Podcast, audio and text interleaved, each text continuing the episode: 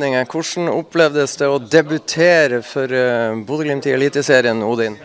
Nei, Det var veldig gøy. Jeg har sett uh, fram til det lenge nå.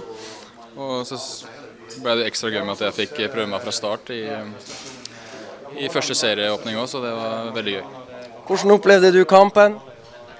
Nei, Det er en litt sånn tricky kamp. Jeg tror nok alle kan være enige om at vi ikke er helt fornøyd med andre omgang. Men sitter igjen med mye bra og noe å jobbe med framover. Ja, du var litt mer fremme i skoen eh, før pause mot Sarpsborg enn du var i Molde, er du enig? Ja, det kan du godt si. Jeg fikk, eh, følte jeg fikk eh, mye rom til å prøve å utfordre da, og gjorde det når jeg kunne, følte jeg.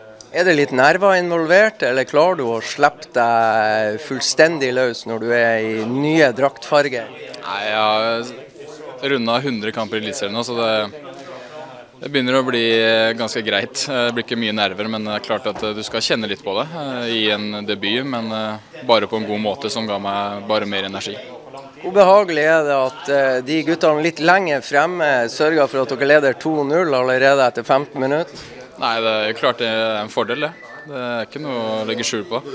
Så har vi jo kvalitetsspillere der, så vi må bare fòre de litt mer, så blir det bra. Hva, det, hvordan, hva du føler gikk galt i andre omgang når eh, på en måte Sarpsborg fikk lov å være litt for mye med i kampen, selv med en mann mindre?